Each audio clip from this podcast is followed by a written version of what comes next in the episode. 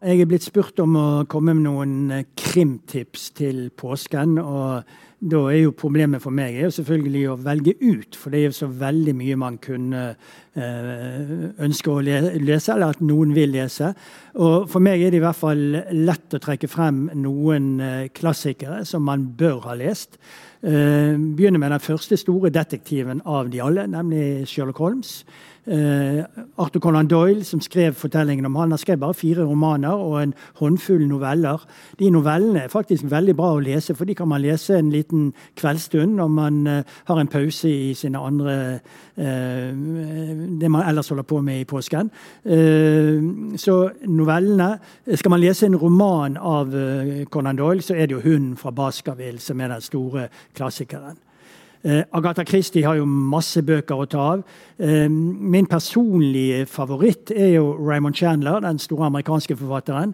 Uh, han skal faktisk helst leses på originalspråket, fordi han er godt oversatt til norsk, men man mister litt av følelsen med språket, og ikke minst replikkene og all humoren hos Raymond Chandler ved å lese ham i oversettelse. Men skal man lese hans aller beste roman, så er det den som på norsk heter 'Det lange farvel'. The Long Goodbye.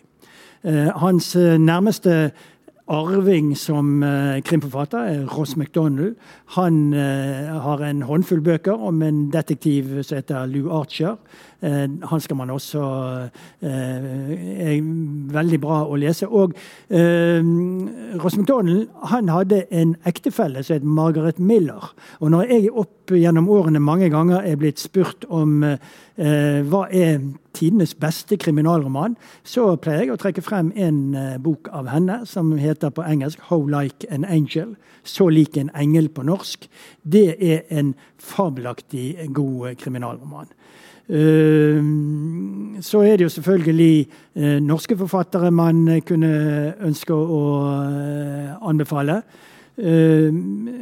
skal være litt forsiktig med å trekke frem mine samtidige kollegaer her, men etter min mening så er vel den betydeligste norske kriminalforfatteren i øyeblikket er nok Karin Fossum.